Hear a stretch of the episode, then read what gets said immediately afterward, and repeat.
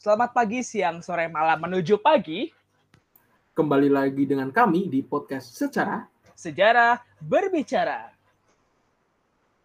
Nah, kali ini ditemenin sama gue nih, Teto Wisanggeni dan partner gue. yaitu gua Nandana Anggaraksa.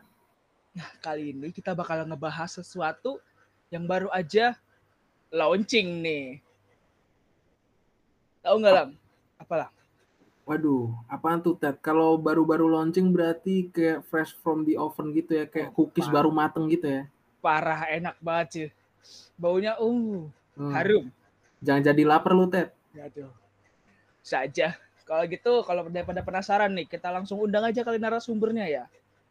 Iya. Hari Faridudin. Halo Hari. Halo semua, apa kabar? Eh, gua Hari, salam kenal ya. Gimana nih? Sehat? Sehat Ri? Alhamdulillah sehat. Lu pada gimana nih sebagai pewawancara? Sehat-sehat aja kan ya? Mantap. Mantap Oke, lah. gitu. siap. Mantap. Ya, Alhamdulillah luar biasa Allahu Akbar lah. Ya, Kurang yesnya, yang yesnya. Ya. Kurang yes ya. Alhamdulillah. Luar biasa. Allahu Akbar. Allahu Akbar. Yes. Itu SD Yes. banget tuh. Oke, Ri. Eh, mungkin banyak dari pendengar kita yang belum mengerti siapa sih Ab- Abang Hari Farinudin, siapa sih Kak Hari Farinudin ini siapa gitu. Ini manusia dari mana? Ini manusia macam apa ya? Kayak gitu. Kira-kira bisa bisa tuh dikenalin diri lo nih, Ri? Oke, mungkin emang gua kurang begitu dikenal lah ya. Bahkan di jurusan juga gua nggak terlalu dikenal orang. Bahkan di angkatan ini juga nggak terlalu dikenal. eh gua Hari, Hari Farinuddin nama lengkapnya. Gua ilmu sejarah angkatan 2019. Eh gua domisili di Tangsel sih. Eh jadi gua kalau kuliah pulang pergi. nggak ngekos, nggak nggak nggak apa pun itu nggak ngontrak juga hmm apalagi nih kira-kira format pengenalannya Ah, gini aja kita status statusnya single ya? single, nggak triple. Waduh, Iya. single. wah Bagi Iya, para wanita-wanita di FIB atau di sejarah ya, saudara Hari single, silahkan nanti mungkin ada yang nge-follow gitu, Ri, nge-follow IG lu. Nanti Mungkin bisa abis ini. Bisa, ya dapet lah. Ya, Tidaknya calon jodoh. gitu. Betul. ah bisa aja kalian Ah ya, ngomong-ngomongin BEM nih. Lu di BEM jadi apa sih, Ri? Eh kalau di BEM sih gua nih diamanahkan sebagai pengurus inti. Nah, pengurus inti apa? Sebagai koordinator di bidang sumber daya manusia.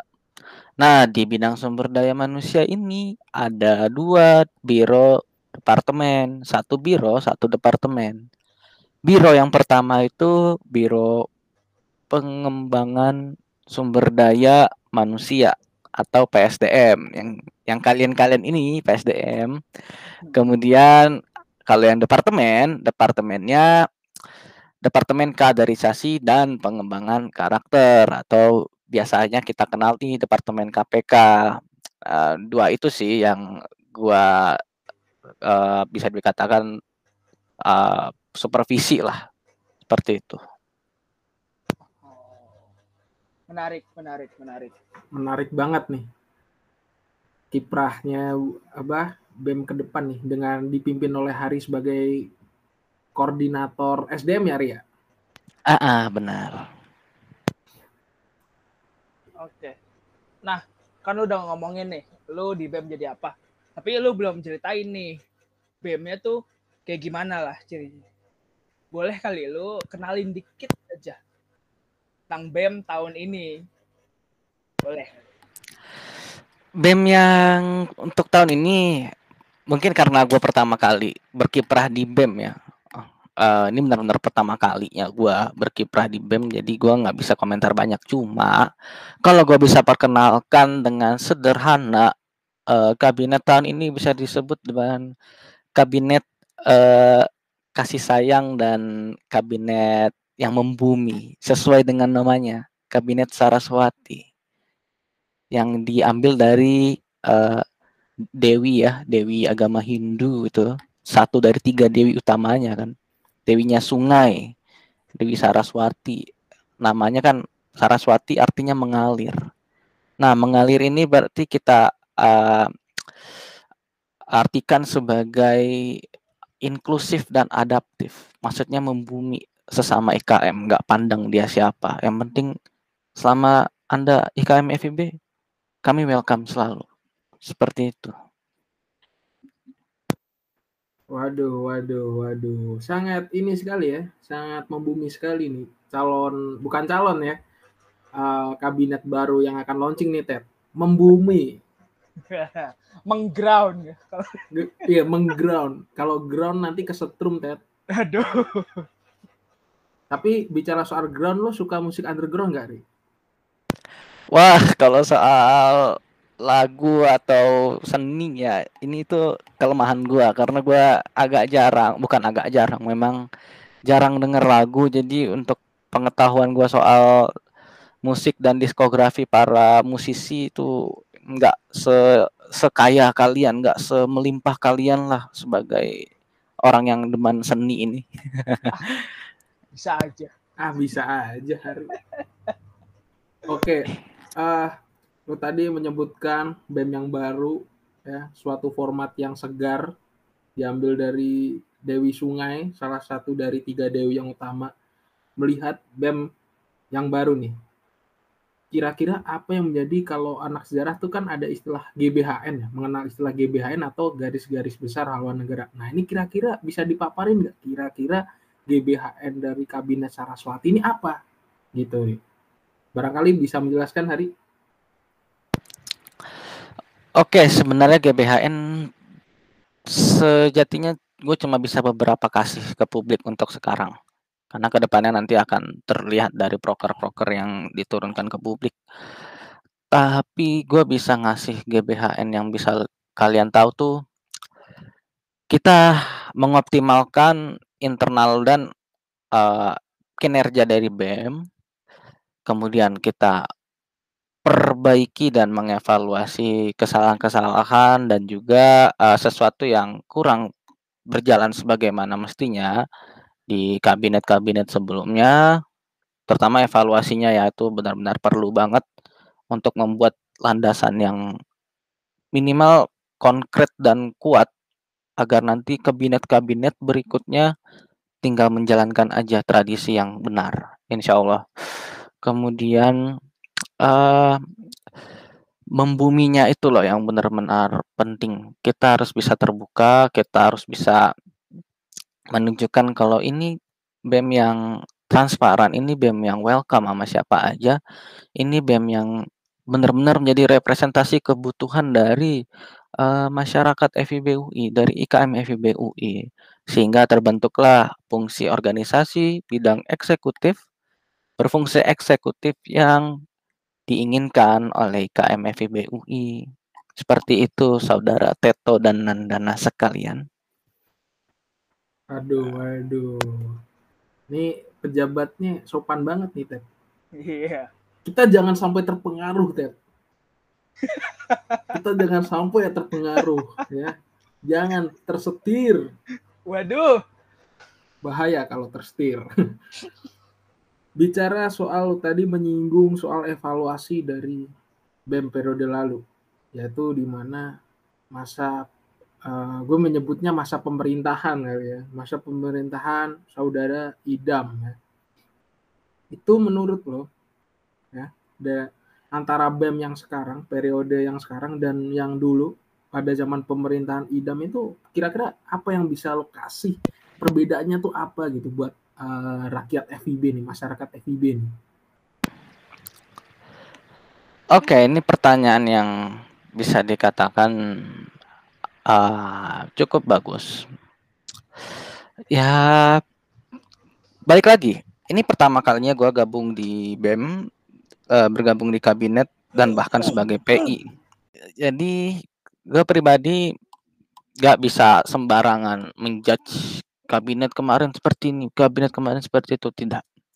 Akan tetapi memang uh, gue akui ada beberapa hmm, peninggalan-peninggalan atau mungkin kesalahan-kesalahan dari kabinet sebelumnya yang agak membebani untuk sekarang ini ke kabinet yang sekarang. Seperti yang kita tahu sendiri kasus uh, jaket alma mater uh, BEM yang belum jelas uh, konsepnya apa ke statusnya sekarang. Terakhir ter ini bisa dikoreksi ya kalau emang salah ya. Terakhir gua tahu sih baru konsep desainnya aja yang dikabarin ke staffnya ke kabinetnya belum ada kelanjutan dari realisasi dan finalisasi dari uh, alma mater ini tapi gue percaya pasti uh, jaket alma mater ini pasti akan segera selesai karena gue yakin mereka pasti uh, akan menyentaskan apa yang sudah menjadi konsepsi dan uh, ide dan gagasan mereka dalam uh, program kerja mereka di kabinet sebelumnya. Kemudian transparansi dan juga keterbukaan terhadap informasi akan suatu hal. Uh, gue berkaca dari uh, dua kasus ya, kasus kekerasan seksual yang di mana menimpa dua orang fungsionaris kabinet kemarin. Uh, gue nggak berhak berbicara siapa yang salah, siapa yang benar. Akan tetapi transparansi informasi dan transparansi uh, akses terhadap kasus tersebut kurang didapat bagi kita dan bagi gue sendiri dulu sebagai orang biasa sebelum menjabat sebagai PI di BEM dan gue agak bingung mau mau ngambil posisi seperti apa karena gue bukan tipe orang yang menjudge apalagi langsung langsung tarik kesimpulan. Gue orangnya tabayun dulu lah kalau orang-orang Islam taunya tuh. Gue berharap kalau memang amit-amit di BEM uh, Kabinet Saraswati ini ada kasus yang demikian, minimal kami bisa menampilkan atau mungkin memberikan transparansi informasi dan juga pengawalan kasus dan uh, pembinaan terhadap orang eh, orang-orang yang terlibat dalam kasus entah ini saksi, pelaku maupun si korban. Ini yang benar-benar harus kita bisa lihat agar kita membudayakan budaya objektif dan tidak langsung asal main hakim sendiri. Karena pada akhirnya kalau kita kayak langsung ngejat sana sini cuma nambah dosa kan cuma malah jadi suzon dan itu nggak baik buat kita semua. Mungkin itu sih kalau dari gue yang perbedaannya. Oke. Mungkin balik ke jabatan lo yang tadi lo udah bilang ya, koordinator bidang SDM nih. Nah, menurut lo itu gimana sih seharusnya BEM itu mengayomi SDM SDM-nya agar mahasiswanya itu merasa ada dengan BEM gitu?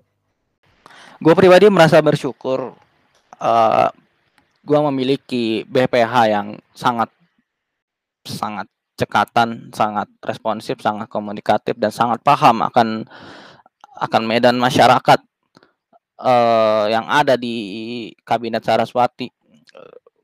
mungkin buat kalian BPA PSDM Zena dan Karamina uh, I really appreciate your work. Bagus sejauh ini kalian benar-benar mengusahakan agar PSDM ada untuk setiap biro dan departemen yang ada di uh, Kabinet Saraswati melalui sahabat bidang. Dan sejauh ini sudah berjalan dengan sangat baik. Bahkan sampai ada istilah ah, bukan istilah sebutan bahwa PSDM ini udah seperti orang tuanya para bir, uh, staf biro departemen benar-benar bisa menemani. Dan berkat PSDM juga uh, bisa lebih ada komunikasi dan interaksi yang baik lah di grup minimal di grup lah di grup besar kabinet Saraswati itu kalau ada yang ulang tahun diucapin selamat dibikinin kartu uh, birthday card gitu ya. Uh, ini udah wow lebih colorful lebih komunikatif lagi. Dan untuk KPK mungkin belum kelihatan uh, program kerjanya gimana. Akan tetapi dari perencanaan konsepsinya udah cukup baik terutama FIB Camp baik yang uh, nanti ada program internalnya, ada program eksternalnya, sudah cukup baik sekali. Tinggal eksekusinya aja, tinggal uh, proposalnya aja direalisasikan dan insya Allah kalau memang uh, Allah mengizinkan kita bisa menjalani semua program kerja ini dengan lancar. Seperti itu sih sebagai SDM dan bagaimana nanti para masyarakat uh, di luar BEM merasa dekat dengan BEM itu terlihat dari uh, relasi medianya, terlihat dari bagaimana humas, bagaimana uh, tim dari media kreatifnya membuat konten, uh, bagaimana humasnya uh, seberapa maksudnya seberapa responsifkah humas ketika dihubungi dan juga bagaimana Adkesma dapat menampung pertanyaan, permintaan atau mungkin uh, inquire dari para IKM FBUI yang bertanya soal entah itu isu UKT, entah itu uh, kalender akademik, entah itu informasi-informasi lainnya sehingga kita bisa menjadi uh, bukan pembantu sih tapi bisa dikatakan sebagai rekan dan juga uh, companion lah bisa dibilang. Teman atau companion bagi kalian yang sedang berkuliah di FIB agar kalian tidak merasa ah kuliah ini sulit kuliah ini berat semuanya harus gua hadapin sendiri tidak kalian ada Adkesma untuk menanyakan informasi-informasi tertentu meskipun di setiap hima kalian, di setiap HMP kalian pasti ada adkesma. Akan tetapi kalau memang untuk sesuatu yang lebih besar lagi seperti uh, kejelasan UKT atau mungkin nanti ada beasiswa uh, beasiswa yang hima, uh, dari BEM itu saya lupa namanya, mohon maaf ya. Itu nanti bisa dilakukan lewat adkesmanya seperti itu. Itu sih yang kalau ingin dekat dari di luar BEM dengan yang uh, di dalam BEM. Tapi yang tadi antara sesama BEM tadi sudah saya jelaskan ya melalui sahabat bidang dan alhamdulillah sejauh ini sudah berjalan dengan sangat baik. Oke, berarti uh, tadi Anda mengapresiasi nih ya, mengapresiasi BPH Anda yaitu PSDM yang sangat kata Anda merangkul sebagai sobat-sobatnya BPH yang lain Oke, Ri. Uh, bicara soal gue masih berkutat dengan BEM yang tahun lalu dan relevansi dengan BEM yang sekarang. Karena uh, jujur ya, banyak kabar-kabar yang tidak mengenakan sebenarnya, apalagi bagi di BEM FIB sendiri. Bahkan kadang orang bilang, lo kalau misal mau karir di BEM, jangan di FIB. Lo mending langsung loncat aja ke UI. Nah, gue sering denger kata-kata itu sejak gue masih maba bahkan sampai sekarang nah bicara soal almetri tapi ini kita nggak bicara siapa yang salah atau siapa yang itu ya. Kita bicara soal langkah kira-kira uh, apakah almet itu bakal diselesaikan di kepengurusan di kepengurusan yang sekarang atau BPH yang tahun lalu nih ini masih bertanggung jawab gitu untuk menyelesaikan permasalahan ini. Karena uh, gue rasa kita perlu menyampaikan ini biar banyak uh, biar tidak banyak terjadi kesimpang siuran di dalam masyarakat IPB itu sendiri. Itu gimana tuh, Ri? Apa, apakah dari BPH yang tahun lalu bertanggung jawab dalam arti ya udah ini memang tanggungan gue gitu. Akhirnya ya udah gue selesain atau permasalahan dari yang tahun lalu ya dilimpahin bukan dilimpahin sih diselesaikan oleh di BEM di masa kabinet Saraswati ini. Itu gimana tuh, Oke, pertanyaan yang cukup penting untuk dijawab. Perlu kita ketahui untuk kasus alma mater ini, jaket alma mater uh, kabinet tahun kemarin itu sejatinya merupakan tanggung jawab dari BPH dan PI tahun kemarin yang di mana mereka apabila terlibat dalam pembuatan uh, jaket alma mater tersebut memang harusnya sudah menyelesaikan, seharusnya sudah, tapi akan tetapi yang saya dengar sejauh ini di tanggal perekaman ini sekarang uh, belum ada kejelasan pengiriman, belum ada kejelasan apakah sudah selesai, baru ada desainnya saja. Ini merupakan uh, tugas dan mewenang dari BPH yang ber, bersangkutan, sehingga seharusnya kami di kabinet Saraswati tidak uh, memiliki keterkaitan apa-apa tentang jaket alma mater ini. Akan tetapi kalau memang seandainya ini dilimpahkan kepada uh, kepada kabinet Saraswati, maka sejatinya saya membutuhkan adanya komunikasi dari pihak yang bersangkutan di kabinet sebelumnya. Kenapa ini tidak bisa diselesaikan oleh mereka sehingga diberi dilimpahkan begitu ke kami? Sehingga ini tidak memberikan apa ya bisa dibilang kerugian kepada kepada kabinet kami yang sedang berusaha untuk membuat yang apa ya bisa dikatakan membuat citra yang baik di depan masyarakat FIB. Kami tidak ingin lagi uh, merusak citra dari BEM, kami tidak ingin merusak kepercayaan dari masyarakat di KMFB UI.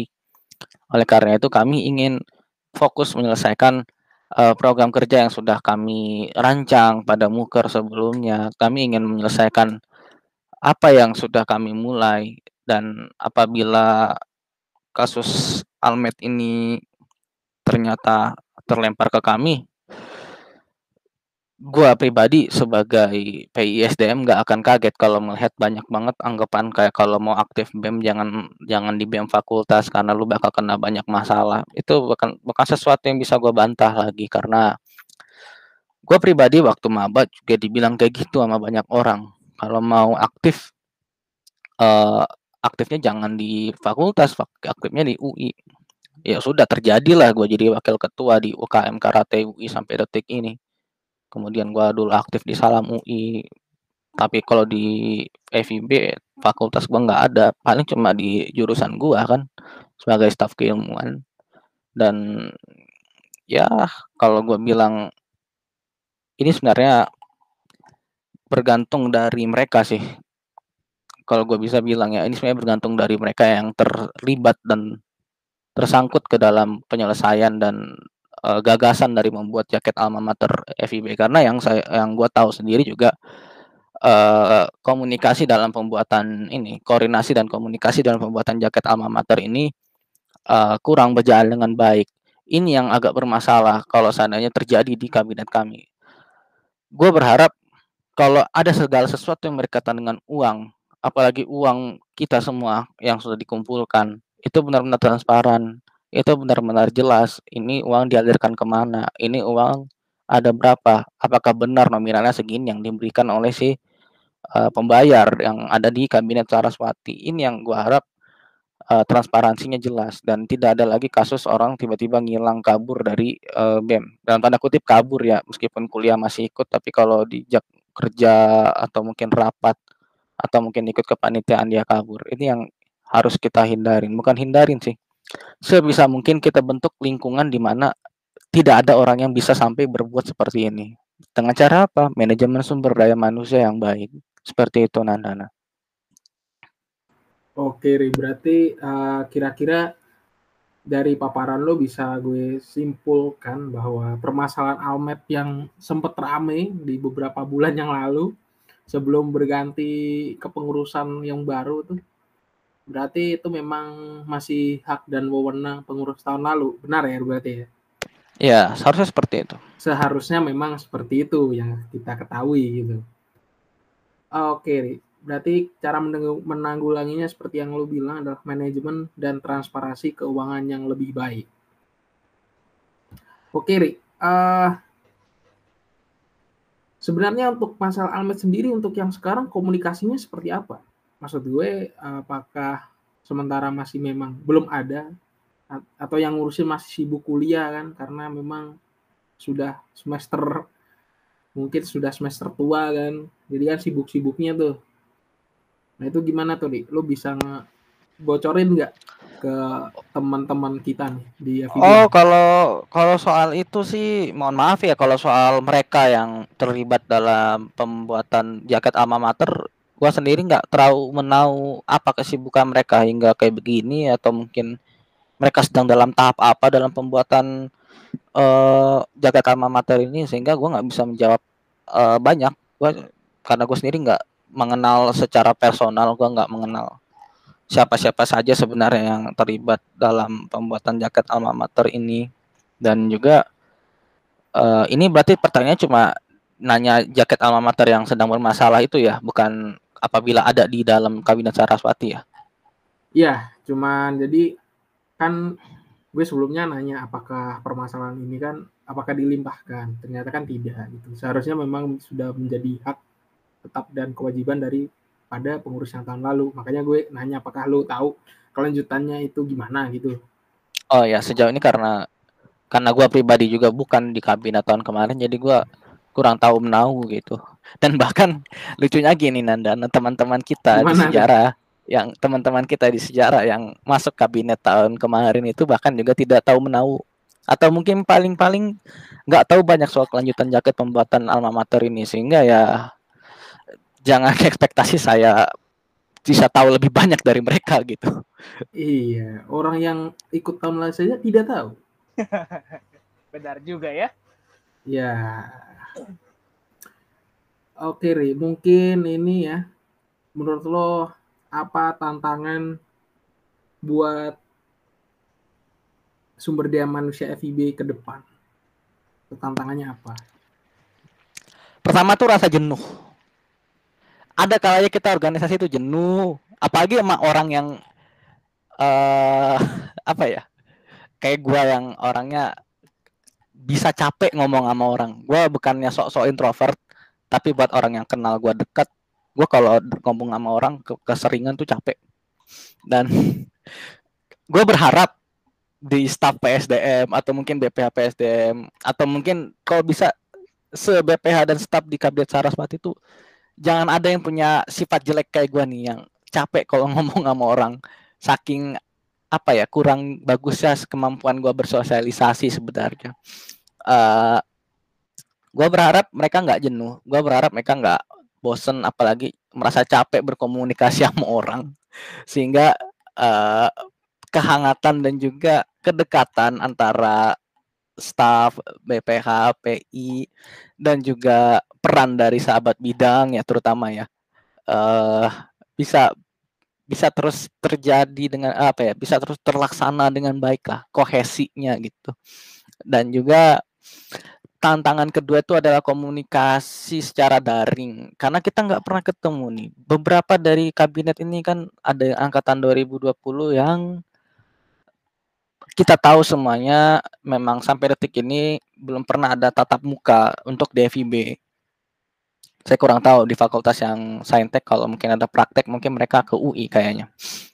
Eh jadi kalau mereka ada yang tata eh, daring jarak jauh ini belum belum lagi kalau ada yang di daerah eh ini jadi agak susah komunikasi jarak jauhnya. Pertama karena internet, yang kedua karena kita nggak tahu kepribadian dia aslinya seperti apa. Kita nggak tahu wujud rupa mereka sebenarnya apa sih? Kalau di real life bisa jadi kalau di medsos atau di kamera kelihatannya cantik kelihatannya ganteng.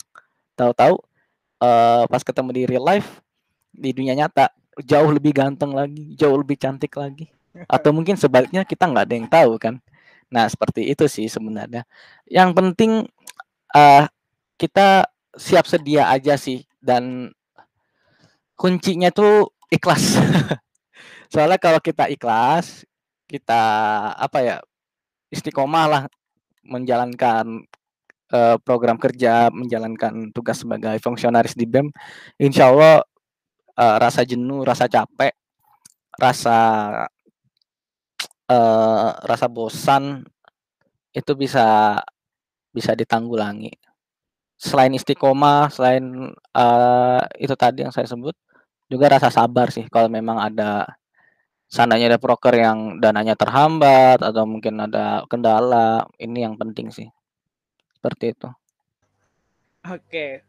Mendengar semua yang lu bilang tadi tantangan ya. Lu ada strategi atau cara tersendiri nggak sih buat eh, melewati atau get over with eh, tantangan-tantangan tersebut nih? Apa sih yang tantangan apa ya toh Kayak misal tadi kan lu bilang ada jenuh, terus kayak belum jarang ketemu gitu, atau belum ketemu tatap muka gitu langsung. Apa yang bakal lu lakukan gitu sebagai strategi pribadi gue nih sebagai PI boleh banget. eh kalau buat strategi gua ke BPH atau ke staff mohon maaf ya gua rahasiain tapi kalau untuk ke sama PI kalau seandainya gue ngerasa jenuh biasanya gue bakal ngobrol komunikasi nanya kabar sama PI-PI uh, yang lain di bidang yang lain atau bahkan ketua dan wakilnya. Kayak gimana sih uh, kabar dari proker ini? Proker itu gimana kabar bidang kalian? Gimana staf kalian BPH kalian?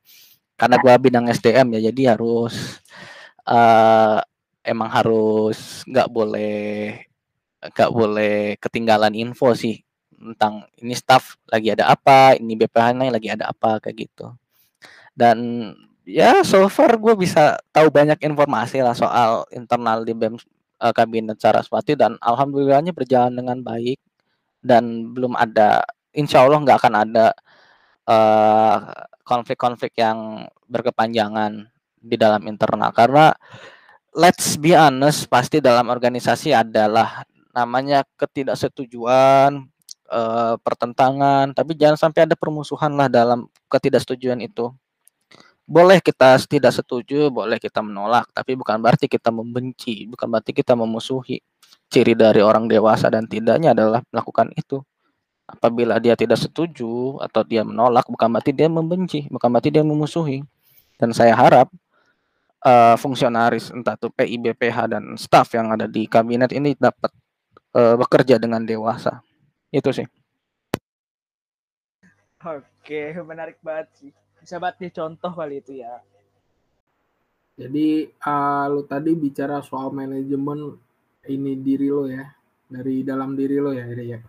Oke, kan seperti yang lo singgung pas gue nanya tadi ya. Jadi gue gue juga merasakan hal itu. Lo kalau misal mau pengen aktif mah, mending di UI gitu kan. Menurut lo gimana nih? dari lo gue sekarang memberikan apa namanya kita menyediakan kolam ya buat BMFIB kabinet baru untuk iklan untuk BMFIB nih gimana cara yakinin masyarakat FIB biar elektabilitas lu selaku sebagai ini ya lembaga eksekutif mahasiswa itu mendapatkan kepercayaan dari masyarakat FIB. Nah itu gimana tuh? Bisa bisa nggak lu kampanye gitu? ini para pendengar ya ini segmen kampanye ya. Jadi bagaimana kita harus tahu nih kredibilitas dari BEM FIB gimana nih. Nah itu gimana tuh? Bisa nggak lo iklan? Bisa nggak lo kampanye? Ngejual dari BEM FIB itu sendiri? Silahkan hari. Wah, gue bukan tipe orang yang jago promosi, jago iklan, tapi uh, gue pribadi cuma menawarkan ini sih.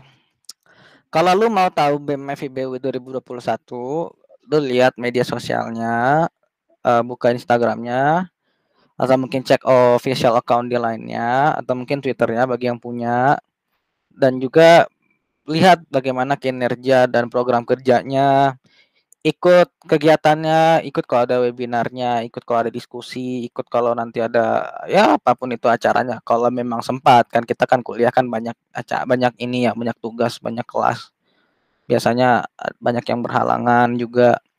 Soalnya kita bagaimana sih kalau kita kalau ngejudge atau mungkin uh, menilai sesuatu kalau kita sendiri belum melihatnya secara langsung di mata kita gitu. Ya oke okay lah ini mungkin kegiatan daring tapi kinerja dan kontribusi dari staf PI dan BPH yang ada di BEM juga tersalurkan dalam eh, kegiatan-kegiatan daring ini. Jadi buat kalian yang ingin tahu bagaimana BEM FBUI dan ingin membuk ingin membuktikan bukan membuktikan sih. Ingin menilai, menilai ya apakah BEM FBUI 2021 ini bagus atau tidak. Coba perhatikan media sosial dan ikuti kegiatannya dulu baru berkomentar. Itu sih. Iya, jadi para mahasiswa, warga FIB, silakan pantengin lini masa sosial media BMFIB. Uh, eh, apa tuh, Ri? Kalau boleh tahu Instagram, boleh disebutin apa akunnya? Uh, kalau mungkin kita semua yang ini udah pada ngefollow ya, cuma cari aja BMFIB UI, nggak di nggak di spasi, nggak ada underscore. B E M F I B U I. Nah, itu Instagramnya. Kalau OA lainnya sendiri bisa di add di OA OA ya di per, tambah teman terus uh, official account at pakai logo at ya at GTG 3843J. Nah, itu kode dari official account BMFIB UI. Jadi eh, itu ya masyarakat FIB bagi yang ingin memantengin nih bagaimana sih perubahan BMFIB gitu biar nggak ada tuh ah kalau mau aktif mending di UI aja jangan di FIB nah itu biar nggak ada tuh Tapi gini Nandana, kita nggak bisa meng- menghalangi atau mungkin menentang kalau memang keinginan mereka ingin aktif di UI aja gitu nggak masalah. Asalkan eh bukan asalkan sih. Asalkan itu memang memang keinginan hati dia gitu. Jadi kalau kalau memang mau di UI ya silakan. Tapi kalau mau di FIB juga silakan. Asal tidak ada persepsi buruk, asalkan tidak ada suzon-suzonan lah sama kami gitu. iya makanya kan ngefollow biar bertabayun kan Wah, Iya, betul sekali.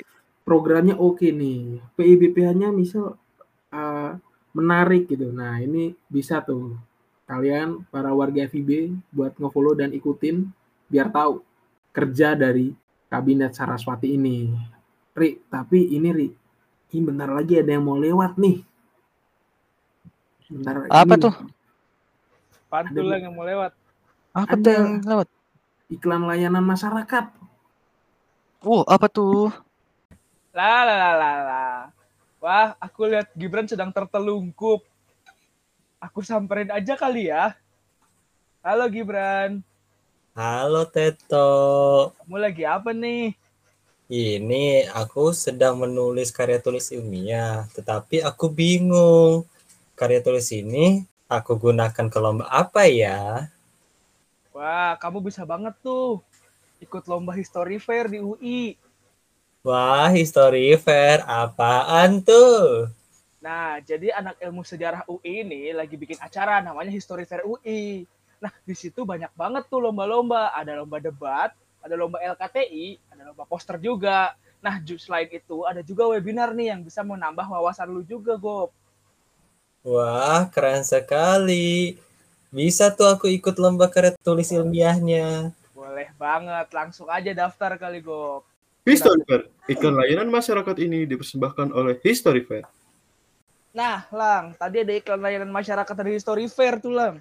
Wah iya tuh. Jadi para pendengar misal kalian ini kan punya tulisan-tulisan mengenai sejarah kan, sejarah rempah-rempah atau hobi debat daripada mendebat pacar kalian atau mantan kalian Waduh, itu kan tidak berguna. ya apalagi debat dosen ya. Jadi mending kita menyalurkan bakat sesuai dengan ininya Ted, sesuai dengan Minat kita. jalannya. Ah, ah, yaitu dengan ikut history fair. Oke, lanjut balik lagi kita ke hari kali ya. Iya, hari-hari lu Ah. ada ini gak sih pesan-pesan gitu yang lu pas mau sampaikan iya. sebagai Ri. bentuk penutup juga nih di podcast kali ini. Ah, ah. Apa ya? Gue bukan orang yang jago ngomong sebenarnya. Mungkin pesan-pesan gue untuk pendengar ini mungkin kita jadikan pelajaran agar dalam menilai sesuatu kita nggak bisa langsung tarik kesimpulan eh secara cepat gitu. Kita harus kalau bisa lihat dari dua sisi, berpikir secara objektif eh, dan bersifat eh, bukan bersifat bersikap tabayun dulu untuk untuk menilai dalam suatu hal gitu baru kita bisa ambil kesimpulannya dan juga mungkin untuk kalian semua yang sedang sibuk berorganisasi sedang sibuk kuliah kalau kalian menjalankannya dengan ikhlas dengan manajemen waktu yang tepat dan juga dengan niat yang baik ya bukan niat yang macam-macam bukan niat yang jahat bukan niat yang uh, merugikan orang lain, apalagi merugikan diri sendiri. Insya Allah kalian bakal diberikan jalannya, diberikan uh, apa ya kemudahan. Ada aja jalannya, ada aja kelancarannya, ada aja jalan keluarnya, gitu. Kalau kalian coba nikmatin aja dan coba mengalir aja gitu sama kehidupan kalian, selama kalian bertanggung jawab atas kehidupan kalian itu insya Allah kalian bakal eh, bakal baik-baik aja lah. Insya Allah sih gitu. Itu sih kalau dari gua untuk penutup. Oke, thank you banget Hari. Kita udah ada di, pen- di penghujung podcast kali ini. Iya, bener sekali Teto. Nah, terima kasih banget nih Hari udah mau ngobrol-ngobrol sama kita, ngebaca tentang BEM segala macam. Sukses buat BEM-nya juga nih. Iya, makasih banyak ya udah diundang buat bicara di sini. Kaget loh disuruh bicara di sini. Baru kemarin dikabarin, tahu-tahu udah beneran aja. Kirain bercanda. Kita kan gercep orangnya sini. emang. Iya, kan gercep biar cepet dapet gitu. iya. Oke, buat para pendengar nih, jangan lupa buat saksikan terus konten-konten kita nih. Iya, Karena pantengin kita- terus. Iya, Hmm, Pantengin terus nih, bagus nih. Ini bukan podcast terakhir kita, bakal ada lagi podcast-podcast selanjutnya. Maka Betul. dari itu, pantengin terus. Di Buat Teta Wisanggeni pamit, dan gue Nanda Nanggaraksa pamit. sampai jumpa di podcast selanjutnya. Bye-bye. Bye bye.